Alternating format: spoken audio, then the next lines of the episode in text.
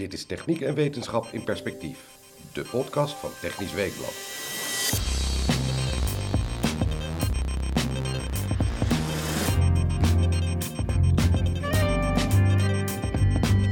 Dit is de podcast van Technisch Weekblad. Onze gast vandaag is eh, David Molenaar, directeur van Siemens Gamesa Renewable Energy. David, welkom. Dankjewel. Tevens is aangeschoven Gerald Schut, redacteur bij Technisch Weekblad. Hoi Jan, leuk te zijn. Uh, ja, mijn naam is Jan Spoelstra, hoofdredacteur van Technisch Weekblad. En we gaan het vandaag uh, met, uh, met David Molenaar hebben over... Ja, de aanleiding is de grootste windturbine die momenteel gebouwd kan worden. Ja, hij, zou pas over een jaar of drie, vier gebouwd kunnen worden, denk Iedereen heeft het over jullie, David. Ja, ik krijg daar een beetje warm van als je dat zo zegt. Nee, nee maar uh, kun je ons misschien even, om te beginnen, even meenemen in die techniek? Uh, we, we, we, zitten hier uh, met een kopje drinken, hebben we het over gigawatts, megawatts aan, aan offshore wind die het net opkomen. Maar wat, wat is nou de techniek die dit mogelijk maakt? Kun je even beginnen met schetsen hoe groot de rotorbladen, wat, wat, wat daar offshore neergezet gaat worden straks? Ja, het is natuurlijk een heel bijzonder product, ehm, maar eigenlijk ook weer niet. En, en het zijn natuurlijk zijn twee facetten. In het ene facet is dat het een enorme doorgroei is van bestaande technologie. En dat zie je eigenlijk ook terug in de totale massa van de top. Die is eigenlijk verhoudingsgewijs, als je die deelt door het geïnstalleerd vermogen, dus de, de, de massa van de, de kop, de rotor en de, en de bladen, of de gondel en de bladen. Als je die deelt door het geïnstalleerd vermogen, is het eigenlijk vergelijkbaar met die van de 8, de 10, de 11 en de 14. Wat je daarin ziet, is dat eigenlijk de turbine steeds verder wordt doorontwikkeld zonder massa te moeten toevoegen. Dus eigenlijk leren we ons product steeds beter kennen. En zijn steeds beter in staat met dezelfde, hetzelfde krachtenspel meer energie te genereren. En dat is eigenlijk de, de, kern van het betoog, is dat het een doorontwikkeling is van een bestaand concept. Uh, wat al in, uh, ja, in 1999 eigenlijk gestart is. Oké, en kun, kun, je dan misschien even kort, uh, ja, dat gewicht van, van, van die gondel en die bladen, hoe, hoe, groot, hoe groot is dat? Want daar hebben jullie behoorlijk je best op gedaan om dat zo laag te houden? Ja, als orde groot is de, is de, de hele nacelle is 500 ton. Oké, okay, dat is uh, bladen inclusief? Nee, het is alleen de, de, de nacelle, dus de gondel. Oké. Okay. Ja. ja, waar, waar lagen de nu de, voor, voor, nu dan de, de technisch grootste uitdagingen voor jullie? Waar hebben ja, engineers de meeste uh, nou ja, slapeloze nachten van gehad? Je bent heel trots op die gondel, toch? Ja, nou, het is namelijk wel heel bijzonder, omdat je natuurlijk in een, in een race zit in de industrie om tegen zo laag mogelijke kosten te produceren. Dat betekent dat je uit dezelfde hoeveelheid staal eh, zowel mogelijk energie moet kunnen halen, eigenlijk zoveel mogelijk moeten kunnen produceren. En ja, dat leidt ertoe dat je op het scherpst aan de snede moet gaan ontwerpen. En dat heb ik net eh, geprobeerd te reflecteren in die totale massa per megawatt, dat eigenlijk dat over de jaren constant is. Terwijl als je verwacht aan de hand van schalingsregels, als je bladlengte ver, verdubbelt, verviervoudigt je oppervlak, maar zou normaal gesproken je massa verachtvoudigen. Mm -hmm. En die trend is eigenlijk doorbroken door dat veel beter te kijken naar wat we hadden. En dat veel beter zeg maar, op uh, ja, her te ontwerpen. Dat je meer energie uit dezelfde turbine kan halen bij een grotere uh, diameter. Ja, wat waren de belangrijkste trucs daarachter? Waardoor is dat dan... Uh... Ja, dat zijn toch de engineering skills van ja, onze jongens en meiden die daarachter zitten. Ja. En steeds beter begrip hebben van de aerodynamica, de interactie met uh, de mechanica. Dus eigenlijk dat samenspel veel beter begrijpen hoe onze turbines zich gedragen in het veld. En dat komt eigenlijk door dat wij van al onze windparken wereldwijd data verzamelen, ja. die analyseren. Op basis daarvan veel beter begrijpen welke krachten er werkelijk optreden, hoe zich die verhouden tot het ontwerp. En er steeds beter van kunnen doorevalueren naar een nieuw ontwerp. Dus het zijn heel veel marginale stappen en niet één revolutionair. Er zit geen radicale stap nee. in deze turbine, nee. Oké. Okay. En dat vinden we ook aan de andere kant weer heel fijn, omdat het ook de betrouwbaarheid weer reflecteert. Je kan in één klap gaan van een 8 naar een 16 of van een 8 naar een 20. Ja. Maar uiteindelijk gaat het erom dat de turbine betrouwbaar, voorspelbaar energie produceert. En als ik dan toch iets, iets wat, ik, wat ik hoorde, uh, las, de, de, de power boost waarmee je met deze 14 megawatt turbine ook 15 kan. Uh, hoe werkt dat? Ja, dat is eigenlijk hetzelfde als chiptune in je auto. Okay. En daarvoor heb je uiteraard de wind nodig die dat genereert. Maar je bent in staat inderdaad om een, uh, om een korte periode, als het heel erg hard waait, die energie eruit te halen. Dus waar je naar kijkt, naar de windsnelheidsverdeling op een bepaalde locatie. En op bepaalde locaties heb je ja, te maken met zeer sterke win, ja, windsnelheden die ervoor zorgen dat je dat eigenlijk kan je turbine niet op ontwerpen, want er zijn een te grote zware turbine krijgt, te duur. Maar als je toch een mogelijkheid biedt om eventjes zeg maar in dat stukje ja. van de dag of van die periode meer energie te laten genereren, dan kan je dat toelaten door de, ja, eigenlijk te tunen. Ja, ja, ja. Dus, Dus de, je de, probeert eigenlijk de optimale de energie uit de wind te halen. ja, dus, dus, en, en dit vergroot de uptime een beetje. Je kunt, nu net iets, je, hoeft nu, je kunt nu net iets langer wachten met de turbine stilleggen als het echt uit de hand loopt qua wind. En dezelfde concepten hebben we ook toegepast op het IJsselmeer, bij het windpark Westermeerwind. Daar doen we eigenlijk hetzelfde. En dan passen we ook een powerboost toe die het eh, mogelijk maakt om meer energie uit de wind te Het halen. is net als in de elektrische auto's, dus dat, je, dat het echt een software dingetje is om hem even... Maar ja, de, de- ja. Ja, misschien terug naar het ontwerp. Je ontwerpt een, een product of een windturbine op basis van maximale belastingen over zijn of haar levensduur. En je gaat dus kijken wat, ja, of je dat zo goed mogelijk vol kan maken. Denk aan een gloeilamp. Ja, die ontwerp je op een bepaald aantal branduren en dan probeer je dan zoveel mogelijk goed vol te maken. Want je wil die, ja, dat, eigenlijk je het opmaken in die periode dat jouw eh, je, levensduur geldt. En la- las ik dan ook goed dat je eh, door hem eh, slimmer te laten terugschakelen, als, als, als de, of is dat, is dat dat je power boost? Dat door hem slimmer te laten terugschakelen zou je een 25% g- grotere jaarproductie hebben. AIP, toch? Dat eh, moet je me even toelichten. Oké, dat, dat las ik op jullie site. een 25% hogere AIP eh, do- door slimmer terugschakelen. Nou, ik weet niet hoe- waar, waar dat stond, maar de, de grotere AP komt met name door het feit dat je je, je bladdiameter vergroot. En daarmee dus meer, hè, het is watten per vierkante meter. Dus als je nou je, je bladlengte ver- verlengt, dan krijg je meer vierkante meters. Dus in principe meer energie uit dezelfde hoeveelheid eh, wind. Oké. En dat daar, daar ligt de name de grootste winst. Ja. Hoe groter de rotor is de motor.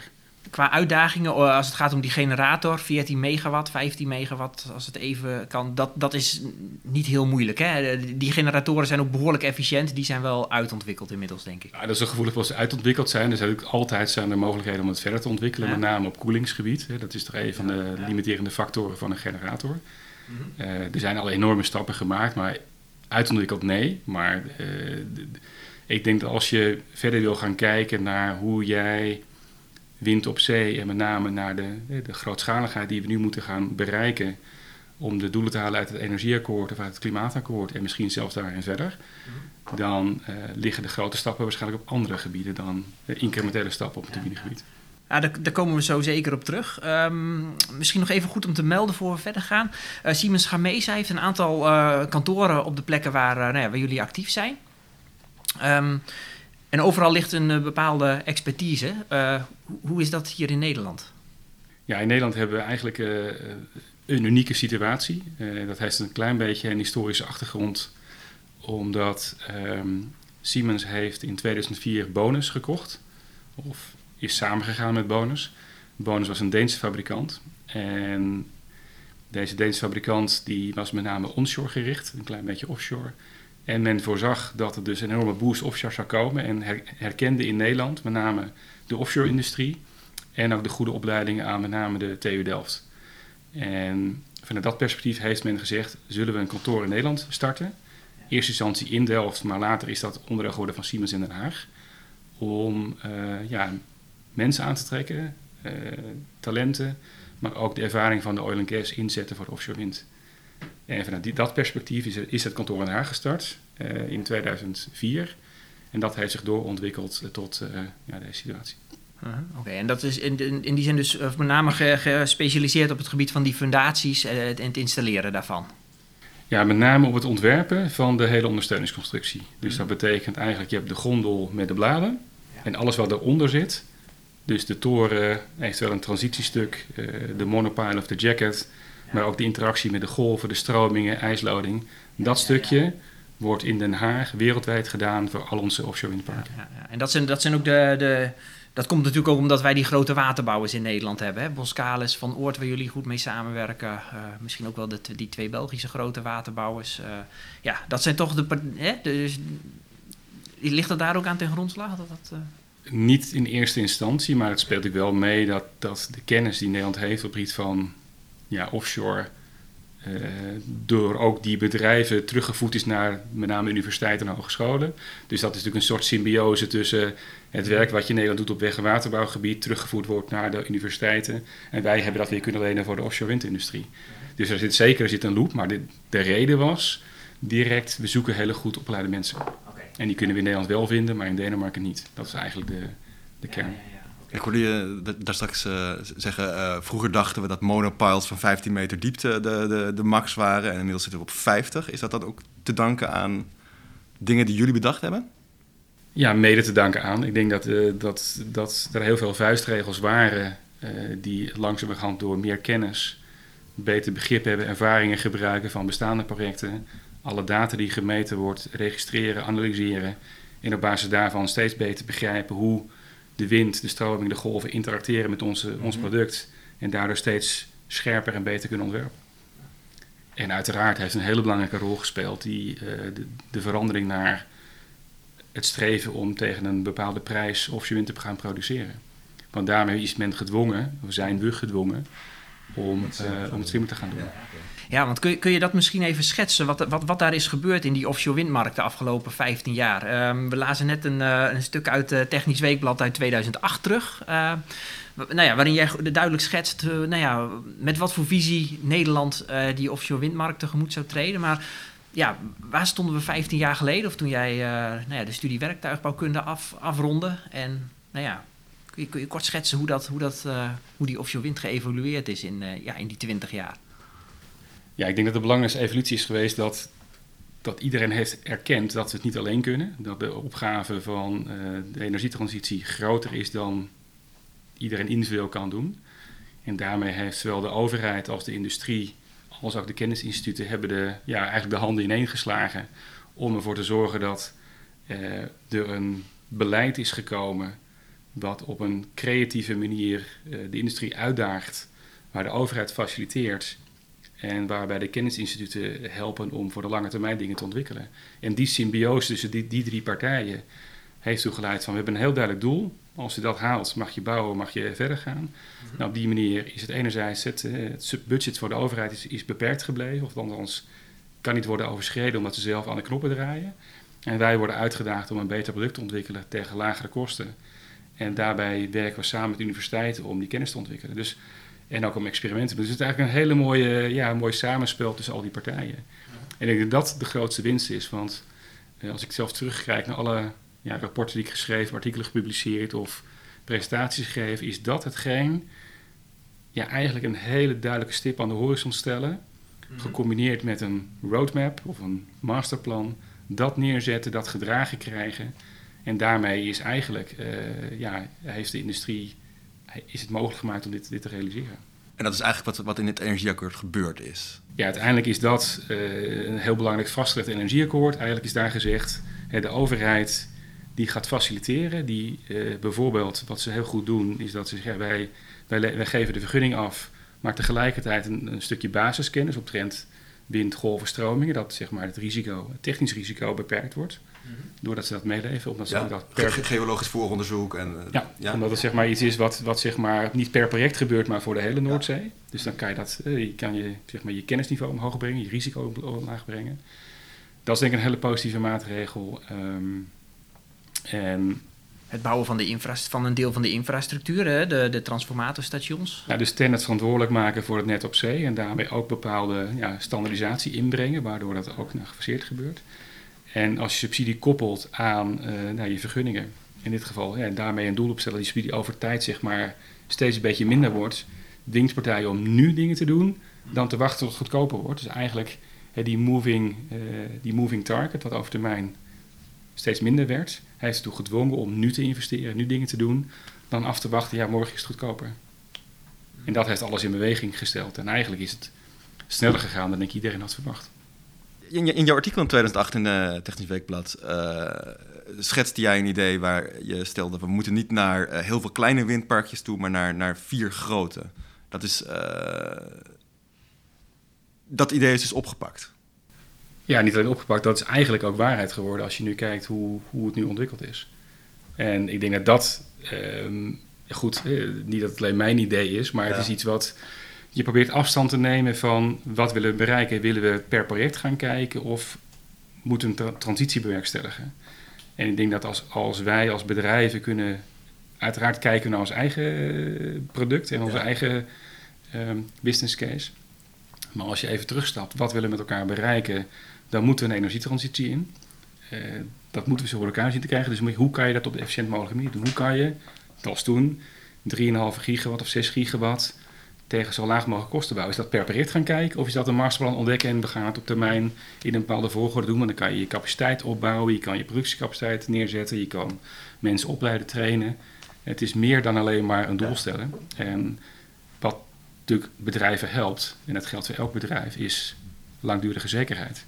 Als wij weten als industrie dat het voor de komende tien jaar goed zit, dan ga je daarop je investeringen aanpassen. Ja. Maar dat staat een beetje on- onder druk nu. eh, met de subsidievrije windparken, waar je die eh, langdurige zekerheid helemaal niet meer hebt. Er staat op dit moment heel veel onder druk. Wat onder druk is, is inderdaad de kostprijs, maar ook inderdaad wat, is, wat gaat de stroomprijs op termijn doen. Mhm. dat, is, dat is de grootste ehm, onzekere factor. Ehm, dat geldt eigenlijk ook breder dan offshore wind. Als je kijkt naar de olieprijzen die ook negatief eh, Ja. kunnen, kunnen worden. Eh, dat geldt voor stroomprijzen. Ik denk dat dat ehm, hoort bij een dynamisch systeem. Ik ben zelf dynamicus en je weet dat je trilling kan krijgen over het onderzoek. Dat, dat hoort bij een dynamisch systeem. Het is wel een risico dat in zo'n overgangsfase van ja, zeg maar centrales waar alles gereguleerd is naar een meer dynamisch systeem, krijg je dit soort effecten. Zeker waar partijen moeten overstappen. Maar je moet wel vaststaan dat we, in, we weten dat we in 2050 maar een beperkt budget hebben voor CO2-emissies. Ja. En als we dat overschrijden, dan weten we dat we zeker dat we die 2 graden niet, niet gaan halen. Dat betekent dat we wel die stap moeten zetten, alleen het zal gepaard gaan met schokken. En het zal gepaard gaan met dat partijen moeten kijken wat is mijn business case en wat betekent dat voor mijn onderneming. Ja, ja, ja. Maar, maar, maar als juist, eh, wat je net schetst, is dat eh eigenlijk marktpartijen hebben een stip op de horizon nodig en, en, eh, en zekerheden. En wat ze nu krijgen is fluctuerende prijzen waar je, eh, wa- waardoor misschien bedrijven nu wel denken, ik teken in voor een, voor een windpark eh, om over drie jaar te gaan bouwen. En als ze de finale beslis- beslissing moeten nemen, dan hem toch maar niet gaan bouwen en, en, en liever de, de kleine boete betalen. Ja, ik kan niet oordelen over of die partijen daarvoor kiezen. Dat zijn de partijen die de ontwikkeling Ja, doen ja. en of, of zij dat risico aanvaardbaar vinden. Ik denk dat persoonlijk zou ik zeggen dat er één risico onderschat wordt, is zeg maar de reputatieschade die het oplevert. Ehm, en daarnaast is denk ik, ehm, ehm, is het onvermijdelijk dat we die transitie ingaan. En dat daar eh, ja, Ja, ja, begin ja. Wat, wat schokken in zijn, ja dat klopt. Ja, precies. Maar dus, ik denk niet dat het riskant is om dat te doen zonder, zonder die risico's wat meer af te dekken door een contract for difference of eh, gewoon do- door, door wat meer zekerheid te bieden. Juist wat Ne- Nederland in de afgelopen jaren zo goed gedaan heeft. Het zal zeker helpen. Ik denk dat het helpt als je zeker weet dat je een bepaalde minimumgarantie hebt aan inkomsten. Dan helpt dat uiteraard. En, eh, maar daar moet je naar, je moet naar het totale systeem gaan kijken. Hè. Van, dat, Ja. dat is een beetje het punt van je kan bepaalde dingen repareren. Maar ik denk dat we moeten kijken, als we 2050 nemen als einddoel met een bepaalde hoeveelheid eh, ja, CO2-neutrale energie. Ja. eh, hoe ga je dat doen en hoe ga je daar komen en wat is daarvoor nodig? En dingen kunnen best snel veranderen. Toen de overheid startte met wind op zee en stel dat er 18 miljard subsidie voor nodig was, ja, uiteindelijk is er maar 6 van verbruikt. Eh, dus denk terug naar het juiste doel stellen. ja, ja. En als overheid daarin faciliteren om te zorgen dat de ondernemer kan ondernemen, dat moet je zien te bereiken. En ik ben met je eens, als de ondernemer niet durft te ondernemen omdat de risico's te groot zijn, dan bereik je doel ook niet. Dus daar moet je wel naar luisteren. Maar ik ben ervan overtuigd dat de overheid eh, daar open voor staat om naar te luisteren. Ja, want dit, dit sluit aan bij, een punt wat, eh, wat je in het vorige gesprek maakte, wat ik heel opvallend vond. Dat je eigenlijk pleitte voor maximum groottes van turbines. Om op de langere termijn, eh, tegen de 2050, minder emissies te krijgen. Hè, dat, de man die de grootste heeft, pleit voor grenzen. Ja, dat is misschien tegenstrijdig. Ehm, ik denk dat, eh, ik zei net ook, hè, de, de rotor is de motor. Dus dat betekent hoe groter de rotor, hoe meer energie je in principe zou kunnen opwekken. Alhoewel je uiteraard tegen grenzen gaat aanlopen eh, met die ontwikkeling, omdat elke keer een stap voorbij gaat, betekent dat inderdaad onze partijen met die we samenwerken om een nieuw, nieuw schip te ontwikkelen, nieuwe kraan te ontwikkelen. Elke keer is dat weer een nieuwe investering. En kan het wel met bestaande equipment of moet je nieuw equipment gaan maken? Ehm, hangt ook van de grootte van de markt. Dus daar zijn alle facetten in. Maar het punt wat ik daarin wilde maken was... er komt een punt ehm, dat je moet afvragen van... eh, als wij in 2050 eh, een bepaalde hoeveelheid duurzame energie willen hebben... en we willen ook nog eh, waterstof gaan produceren in dusdanige grote hoeveelheden... dan praat je over een enorme sprong in aantal turbines op zee. Is het dan verstandig om dat door te laten groeien en daarmee eh, nou ja, eh, veel variabelen te hebben? Of zeg je nou, we hebben nu bereikt wat we wilden, we zijn eh, zero subsidy. De volgende stap is minimale CO2-productie. Want uiteindelijk willen we terug naar het oorspronkelijke doel, is climate change beperken. Ja, Ja. Climate change is gekoppeld aan CO2 of CO2-equivalente emissies. En daarvan is een budget. Je, je, je punt was, eh, als je turbines groter gaat bouwen, dan gaan ze meer CO2 per kilowattuur uitstoten. Nee, mijn punt is als je... Nee? nee, Oké, punt dat is verkeerd als- begrepen. Als je, ehm, als je een grens stelt, Ja. en die grens die zal, hè, wat we willen als industrie is een level playing field. Dus als je weet, de komende 10 jaar is er een bepaalde maximale grens aan je rotor, Ja. opgelegd door een tiphoogte, minimale maximale tiphoogte, Ja. dan is je rotor is bepaald. Als je rotor bepaald is, is ook je maximale output bepaald, wat een per vierkante meter, vierkante meter is vastgelegd. Als dat bepaald is, zijn ook je maximale krachten en belastingen bepaald. Daarmee je ondersteuningsconstructie. Daarmee je kabels, je substation. Alles wordt zeg maar Mhm. gedefinieerd omdat je je rotor vastlegt. Ja. Als dat is, en je combineert dat dat de overheid graag naar vergunningen wil van 40 jaar, dan kan je ontwerpen voor een levensduur van 40 jaar. En als je dan weet dat de CO2-emissie per windturbine per kilowattuur is nu ongeveer 6 gram. Die wordt van een groot deel bepaald door de staalproductie. Ja. Als je dan weet dat voor een levensduurverlenging van 25 naar 40 jaar je orde grootte 10 tot 12 procent meer staal nodig hebt, Ja. dan is het een hele simpele maatregel door te zeggen, ja, als je wilt naar minimale CO2-emissies per kilowattuur, dan is het zeer interessant om je rotor te fixeren, je levensduur te verlengen en daarmee eigenlijk Maar dus tussen de, de, de, de CO2-winst zit het in, in de langere levensduur en niet in de eh, begrensde rotorgrootte. Nee, maar dat is een, Ja. of de vergunning is daarvoor een aanleiding, of inderdaad een eh, maximum stellen op je, op, je, op je maximale turbine.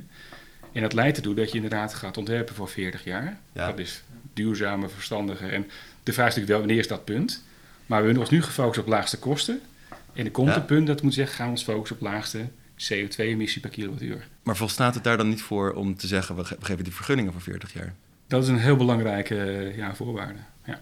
Wa- wa- wa- waarom geven we ze eigenlijk nog niet voor 40 jaar? Ik denk dat het een natuurlijke ontwikkeling is in de markt. Dat, ehm, dat er op een gegeven moment een punt is dat, dat de producten dusdanig ehm, betrouwbaar zijn. En dat Ja. de groei niet meer met hele grote stappen zal gaan. eh, dat er minder, daarin minder winst te behalen is. Of je moet meer investeren om dat te doen. Er komt altijd een punt dat er het moment is van... Nou, nu is het minder verstandig om groter te gaan. Maar om dat te gaan naar standaardisatie. Eh, large scale production. eh, niet telkens meer je hele supply chain opschakelen of je, je schepen. Dus er is ergens een punt waar dat interessant zou kunnen zijn. En de vraag is, moeten wij als industrie dat doen?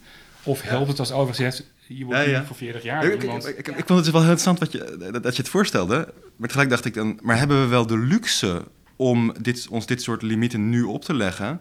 Want eh, misschien dat het op de langere termijn eh, wel wat bespaart, maar we moeten nu eh, kilometers maken. We moeten nu sn- zo snel mogelijk eh, heel veel eh, capaciteit gaan installeren. En dat kan natuurlijk sneller, zou ik denken, als er geen grenzen zijn. Dat lijkt logisch, denk ik. Maar ik denk dat er meer te winnen valt in grotere schaal productie en standaardisatie. En, en stel je voor dat, dat, dat we op grote schaal eh, waterstof gaan produceren op de Noordzee. Ehm, en je praat over, eh, volgens mij is er een rapport verschenen van Drift. Die praat over 25.000 turbines die daarvoor nodig zijn, in 2050. Ehm, die zouden allemaal anders zijn.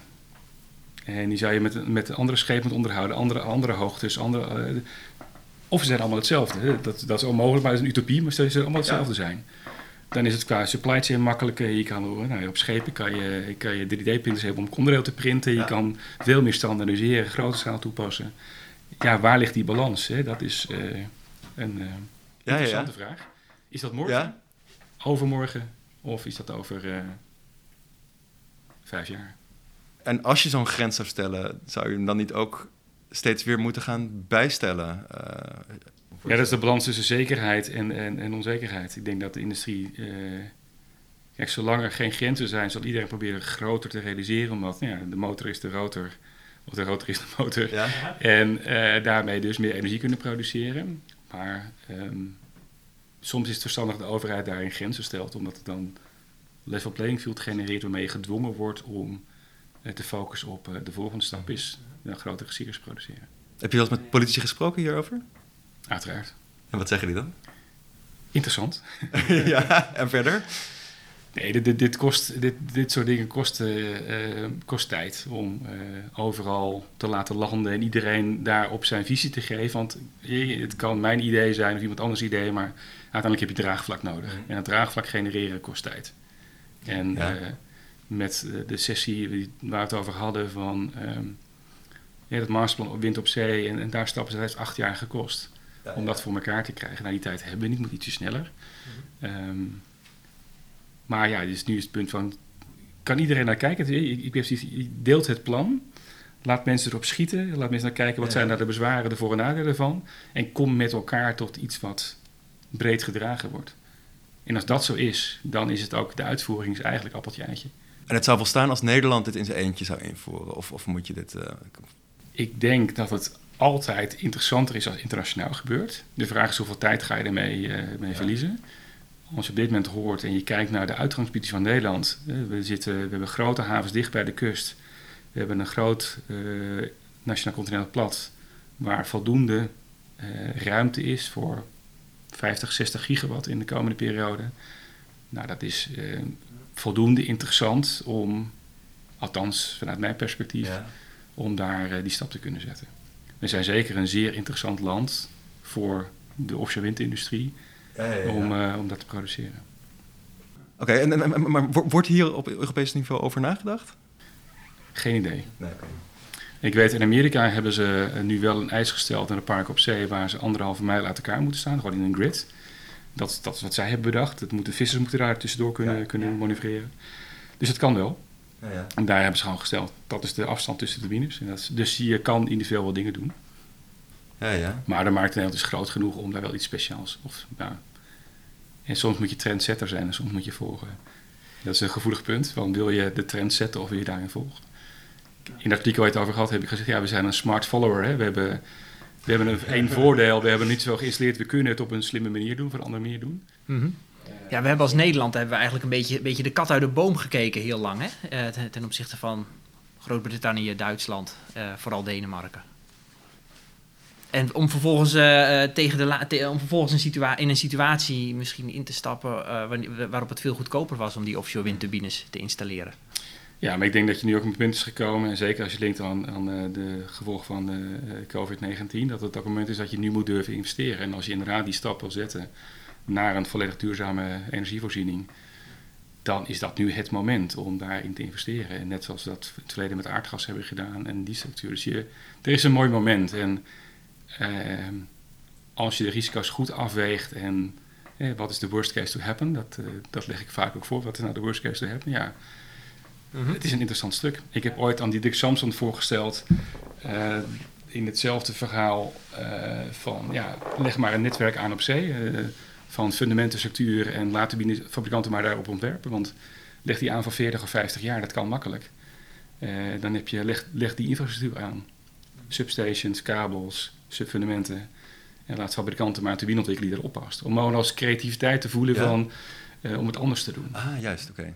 Dus niet, dat dat je niet dan in de kaveltjes en de kabel naar de kaveltjes, maar dat je ook gewoon echt eh, de, de fundamenten daar al legt. En dat, dat was misschien een beetje naïef van mij op dat moment, maar het heeft uiteindelijk wel toegeleid dat de overheid een belangrijke rol heeft gespeeld in het cross-product denken. Ja, ja. En uiteindelijk is dat nu natuurlijk best een succesvol ehm, ja, stuk geweest. Interessant.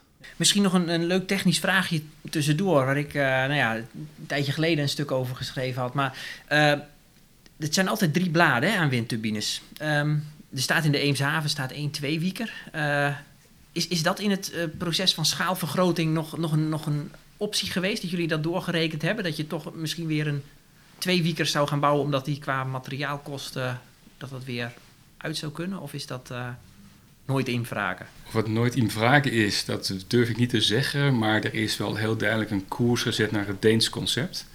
Eh, driebladige upwindturbines. eh nou, Up- Upwind is met, eh, met de klok mee? Nee, de upwind is, met, eh, is dat de rotor gezien voor, voor de paal staat, niet gezien van de windrichting. Dus eerst de rotor, dan de paal. Eh, downwind is dat hij erachter staat. Dan kan in principe kunnen de bladen meer ja, beweging hebben. Dan hebben ze geen risico dat de tip van het blad tegen de, de, de toren slaat. Ja. ja. Helder. Dat is het Deense concept. Dat is eigenlijk doorgevoerd. In het verleden zijn er ook eh, lagerweven twee, twee weken gehad. Ja. Het klinkt eenvoudig. Eh, ik weet dat, dat er heel veel moeite is gedaan om dat concept draaiende te krijgen. Er zijn ook teetering hubs en allerlei andere vormen geweest. Ja, Ik denk dat nu eh, zodanig is ingezet dat concept en zoveel kennis en ervaring is ontwikkeld, dat je met die kennis en die ervaring en die doorontwikkeling in staat bent zo'n 14 megawatt turbine te bouwen, die eigenlijk eh, qua, nou, wat ik zei, van topmassa verhoudingsgewijs even zwaar is als een 8 megawatt. Ik denk dat daar met name de winst in zit. Het veranderen van een concept radicaal ehm, ligt niet direct voor de hand, maar je moet het nooit uitsluiten. Mhm. Maar Maar als we we- het we veranderingen van concept hebben. Ik, ik, ik las vorige week eh, een stuk dat, dat alle windmolens op het noordelijk halfrond de verkeerde kant op draaien. Eh, omdat dat ooit het, eh, de- het denkspoor geworden is. Kan, kan jij uitleggen wat het idee daarachter is? Nou, het is wel een hele, hele korte, korte dat is allemaal Ja. op. Er is ooit, is er eh, in mijn herinnering althans, als ik dat goed heb, is het, eh, de Nederlandse wind, windmolens draaiden linksom. Dat had, zijn verschillende redenen voor aangedragen, omtrent de, de, hoe, de, hoe het hout groeit en hoe de molenaar met, de, met een rechterhand makkelijk dingen zou kunnen bedienen. Ja. Ehm, op een gegeven moment is voor mij een Deense fabrikant geweest die bedacht heeft, ik ga het anders doen. Volgens mij zijn zijn vrouw aan de keukentafel, we, het moet met de klok mee, meedraaien. Dus dat is het concept geworden. Aerodynamisch gezien was er geen reden om het anders te doen. Ik kan me voorstellen dat er ehm, met de enorme groei en ontwikkeling, dat er de andere inzichten komen. Die moet je altijd omvatten om te kijken, wat, nou, is dat een idee die, eh, waar je iets mee zou kunnen doen? Wat ik weet op dat vlak is dat met name omdat parken, turbines worden zo groot, de parken worden groot, er is interactie tussen parken. Het beïnvloeden van, de, van het zog, Ja. eh, daar is nog winst te behalen. Ja, dat, is- dat is enorm. Eh, Ik, ik, ik zag ook een, eh, een studie van de Duitse Agora, waarin ze zeggen, eigenlijk eh, net zoals in Nederland, hè, als, je, als we daar daadwerkelijk, eh, in Duitsland was het dan 50 tot 70 gigawatt wind gaan neerzetten, eh, dan, eh, doordat ze zoveel dicht op elkaar staan, gaan we dan van 4000 vollasturen per jaar naar 3300. Dat is een enorme hap uit je productie als je... Ja, maar je moet er wel naar kijken. Je kijkt naar een kavel of gebied waarin je. eh, en dat is het mooie van ook het Nederlands beleid. Die hebben een schoenendoos gedefinieerd. Dit is een kavel. En binnen dat kavel, als je rekening houdt met nou ja, de hoogtebeperkingen die er zijn, maar ook het eh, geluidsemissie en impact op verstoring van vogels. Als je dat, daar rekening mee houdt, die blijft binnen die grenzen van je vergunningen. Dan kan je eigenlijk ontwerpen wat je wil. Ja. En binnen dat kavel moet je kijken, hoe kan ik dan tegen de laagste kosten per kilowattuur energie opwekken. En voor de een kan dat zijn grotere turbines dichter op elkaar of eh, het heeft natuurlijk te maken met je lengte van je kabels. Daar is een hele optimalisatie die daar aan de grondslag ligt. Wat je natuurlijk wel nu ziet, is omdat er meer parken komen, komt meer invloed op elkaar, moet je ook kijken van hoe regel ik mijn turbines in, omdat als ik energie onttrek uit de eerste turbine, dan blijft er minder over voor de tweede. Het kost wat tijd om verse Ja. energie toe te voeren, om dat weer aan te vullen. Nou, daarmee kan je spelen. Om dat te illustreren, als je een, net een Boeing 77 is opgestart op Schiphol... en je komt eraan met je Cessna en je wil erachter landen... dan word je dus volledig heen en weer geslingerd door dat zog... wat erachter is, die, Ja. die verstoring van die Ja. lucht. Nou, als je daarmee kan je ook gaan spelen... door dat zog actief te gaan sturen. Je kunt hem voor je laten gebruiken. Je kan het zog actief Of gaan minder- sturen minder- om ervoor te zorgen dat je dus uiteindelijk misschien de ene turbine wekt iets minder op dan de andere, maar het totaal is meer dan het som der delen. En daarin zijn we ook naar aan het kijken. Alleen dan moet je wel afwegen, ja, wat betekent het sturen van het week of van het zog? Ja. Wat voor gevolgen heeft dat voor mijn belasting van mijn kruilager of van mijn eh eh, pitchmotoren? En welke knoppen heb je dan om aan te draaien? Is dat de, de, de pitch van de bladen? Is dat het, eh, het toerental? Is dat eh, de hoek ten opzichte van de wind? Of alle drie? De meest simpele variant is met eh, de, de kruilager, dus zeg maar richten op de wind. En een andere methode is, die wordt, in, eh, wordt nu door de TU Delft gepromoot, is het sturen van de bladen. En Maar hoe richt, richt op wind, dan, dan, dan richt je hem juist iets minder op de wind of zo. Ja? Dat is wel grappig. Want ik dus je heb, maakt de eh, eerste minder ja. efficiënt, waardoor de tweede iets Ja, meer ja. krijgt dan die oorspronkelijk zou hebben gehad als hij... Take one voor de team. Nee, ja, ik heb me wel eens, ja, ik heb me dan recent wel eens verdiept in, de, in, de, in, in, in die batchlimiet die er jarenlang geweest is. Hè, waarbij eh, die, die vertelt dat eh, een windturbine remt de wind af. En als je hem te veel afremt, dan staat de wind achter de windturbine stil en beïnvloedt dat weer de toestroom aan- van wind op die turbine. En, dat, en dan zou er zo een optimalisatie van 59 of 60 procent zijn, wat je maximaal hè, uit de wind kan halen. Hè, de, maar dat gaat dus eigenlijk niet meer op. Jullie kijken echt veel verder dan dat. De bedlimiet gaat wel op, alleen die is gebaseerd op een paar aannames. En het is onder andere uniform inflow over de rotordisk. En ja, de vraag is, is dat bij een rotor van 222 meter nog steeds hetzelfde? Met andere woorden, als je naar die rotor kijkt, is dan over het hele oppervlakte stroom dan dezelfde wind in? Met dezelfde snelheid, met dezelfde richting? Of is dat doordat het zo groot is geworden, dat het hier links gaat, hier rechts, een beetje omhoog? Dus dat is... Uh, de bedlimiet geldt nog steeds, alleen onder de aanname van uh, uniform flow over de rotordisk. En dat zijn, uh, ja, dat zijn de beperkingen.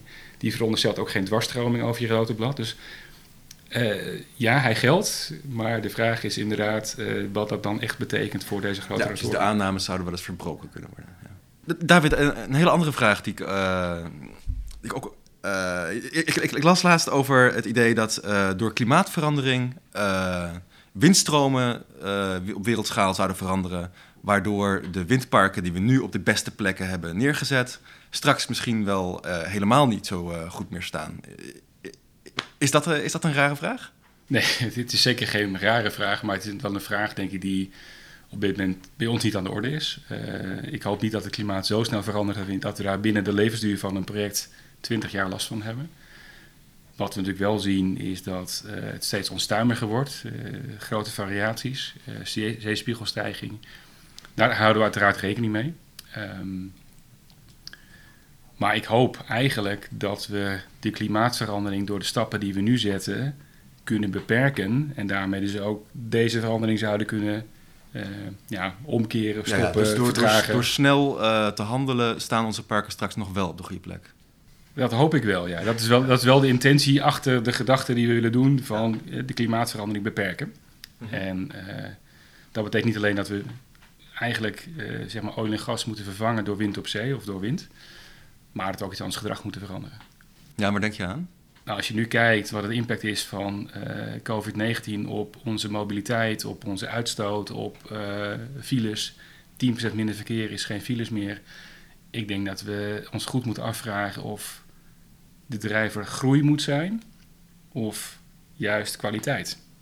En daarin denk ik moeten we een goede balans zien te vinden tussen de economie die maar moet groeien om zeg maar, de inflatie te kunnen compenseren? Of kunnen we kijken of we meer kwaliteit kunnen toevoegen? Ik denk als je overal de wereld kijkt, iedereen wil een mooi, leuk leven hebben, wil pret hebben, lol hebben, leuke dingen doen, kunnen genieten. En de vraag is, ja, wat heb je daarvoor nodig en hoeveel energie heb je daarvoor nodig?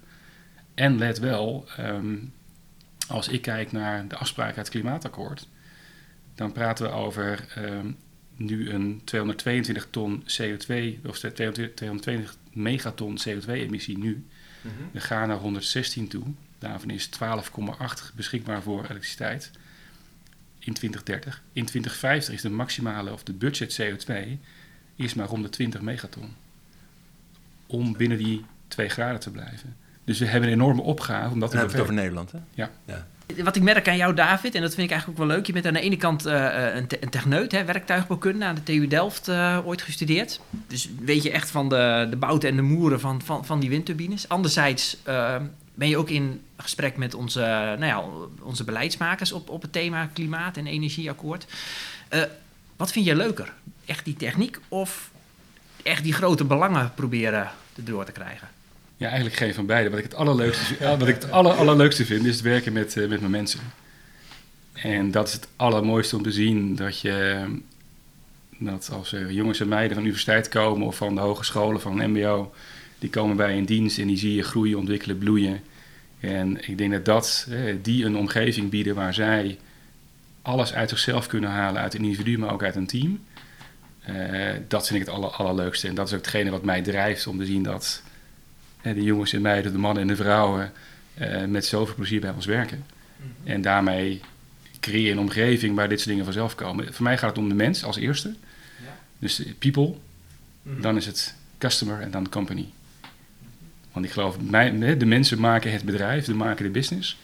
Ja. En uh, uiteindelijk mensen, teams. En dat is hetgeen wat, uh, wat mij drijft. En uh, ja, dat je daar inderdaad ik had nooit kunnen doen wat ik nu deed zonder mijn opleiding, zonder gepromoveerd te zijn in de helft, zonder de kennis te hebben. Maar uiteindelijk wat het leukste is, is mensen inspireren en jouw passie overbrengen en daarmee zien dat dingen gaan gebeuren en dat er dingen ontstaan. Ja, een mensenmens met een Excel-sheet. die Excel-sheet, ja. eh, Nee, nee, liever geen. Misschien toch, toch nog even terug naar de techniek, hè? Eh, want ik eh, vind het een mooi verhaal, hoor. Ehm, maar ehm, Siemens maakt ook electrolyzers. En eh, er zijn ideeën om eh, op de Noordzee zelf eh, waterstof te gaan produceren met, met windmolens ter plekke. Hoe, hoe kijk je daar tegenaan? Nou, ik denk in bredere schaal, als je wil elektrificeren, dan kan je naar verschillende domeinen kijken. En een domein wat moeilijk te ele- elektrificeren is, is de, natuurlijk de chemische industrie. Daar heb je te maken met fietstokken. Dat zal waterstof een enorme belangrijke rol in kunnen spelen. De vraag is, hoe ga je die waterstof opwekken? Het kan natuurlijk, zoals het mooi heet, blauw, of je kan grijs, blauw. Ehm, en grijs is natuurlijk eh, dus uit, het, eh, uit aardgas. eh, ja. Blauw is met, Met CCS. CCS. Groen nee, met wind op Ja. zee. Geloof ik, geel is vanuit zeg maar de, de desert. ja, ja. Ik heb van de week nog een, andere vorm voor het oranje. Dat is vanuit de Patagonië op de, de Pampa's. Maar waarom is het oranje dan? Omdat het niet echt vanuit de desert is, maar wel op een, op een vlakte. Dus het onderscheid maken tussen... ehm, en daar kwam, eh, Jan- daar kwam eh, Jan Rotmans eh, mee. Eh, Ja, op zich is dat erg interessant. Ja. Maar als dat, hè, want ik denk dat zeker waterstof een interessante drager is eh, op, op termijn.